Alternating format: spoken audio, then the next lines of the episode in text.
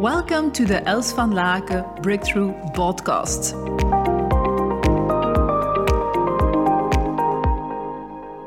Interesting. I'm reading The Power of Attachment from Diana Poole Heller.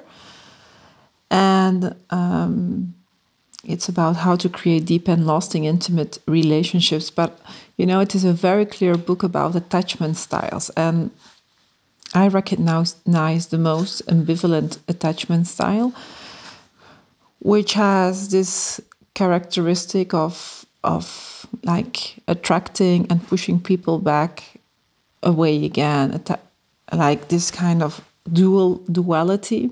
But there's one thing that I I I really felt very close into description and an exercise that I wanted to share also with you is that one of the things is that because you have been, if you would recognize yourself in ambivalent attachment style, which doesn't mean you're all the time in ambivalent attachment style, you are probably for maybe 50, 60% in a sec- or even 70% in a secure um, attachment style. But when you get your stress responses activated and your nervous system activated, you could go to ambivalent attachment style, if you would recognize an ambivalent attachment style.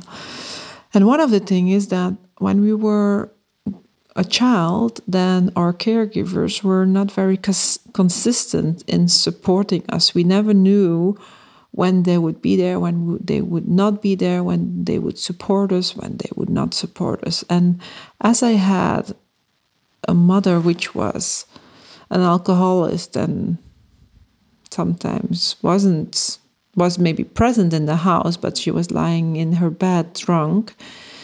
And my father, which left us when I was four years old and having a psychic illness, there wasn't at all someone really reliable to to rely on really this part you know reliable just as you are that you were okay as you were and that you could just lean on that person and so I got very touched by an exercise that Diana describes in her book.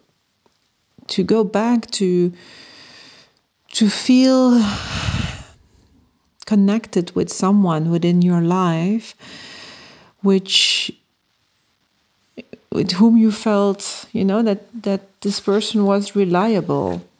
And i i quote what she wrote down. She says you know a person that as soon as you could see their face or hear their voice, you feel a sense of undisturbed connection. You know this person supports you and always will. You never have to try to be more than you are with this person. You're present, they are present for you, they love you, and they believe in you. And so the exercise is to connect with this person, with one of these persons in your past or in your present and then check what it does with your body you know as as the traumas are always ha- always have imprints in your body and you can directly notice what happens with your body when you are thinking of this kind of person. And for one reason or the other i'm not going to question it.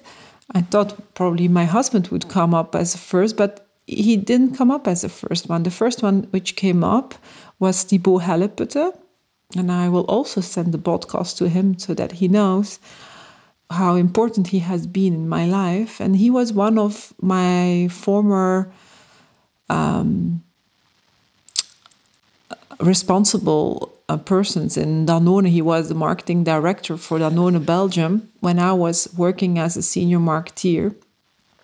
And I remember very clearly, you know, when I was in, in his surroundings, I just always felt very at ease, very just that I could be me, that he challenged me, that was clear, and he let me grow big time. But I could just, you know, I know that he would have my back all the time and I could just rely on him.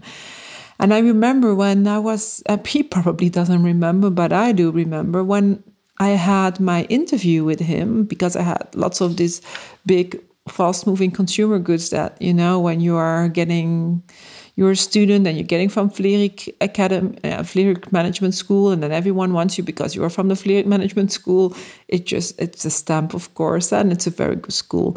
And and so he said to me, you know, Els if you don't choose for us, I will follow you because you have an amazing talent and amazing potential. And I was so flabbergasted that in the whole conversation I felt so at ease. And then he, he told me that. And I was, yeah, still developing, let's say, in this unsecure overachiever to to to prove that I was worth something and uh, coming from the childhood that I had. And so it was a, um, I don't know, he was like one of the first persons, and I thank you very much, Thibaut, if you listen to this podcast, that you know made me feel at ease and, and made me really believe that I could be someone in the world. And I will I feel like uh, tears are coming into my eyes because I think we need more people like that that give you believe in you. And you know like really like the book says you know you never have to be more than what you are with this person. You're present they are present for you. They love you and they believe in you.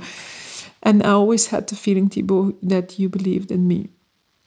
Always. Uh, and I remember, you know, when when he was living in China, and then sometimes he would call me, even if I could just talk with him for ten minutes. You know, it made my whole nervous system relax, and I think it's a very beautiful exercise to when you have an ambivalent attachment style and you notice that because there wasn't any reliability on your childhood, that sometimes in relationships today you are afraid to lose someone and in that sense you maybe grasp emotionally to people that by reflecting on certain people who came into your life already who gave you that reliability and that reassurance that you can that your nervous system can calm down again in relationship with the person you are with at that moment and then you can have more choices again. You don't have to go into this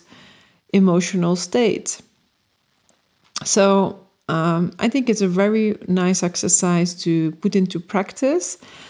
And um, and I will in the next podcast also talk more about avoidant attachment style as well as the disorganized attachment style.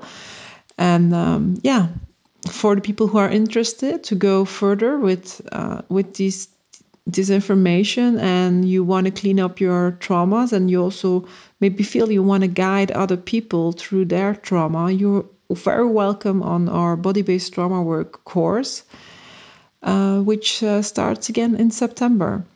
So you can find everything on elsvanlaken.com slash um, trauma little little line training. So if you cannot find it, just send a mail to hello at elsvanlaken.com. This is a course in English, 15 days plus two half supervision days. So thank you very much for being attentive by allowing yourself to reflect. And I'm looking forward to inspire you in the next session. Thanks for your presence. Check out more inspiration on elsvanlaken.com and let's spread the positive energy together by sharing this podcast with your friends, family, and business partners. Do you want to contact us personally? That's possible. Just send us a mail on hello at elsvanlaken.com and we answer all mails personally. Talk to you soon.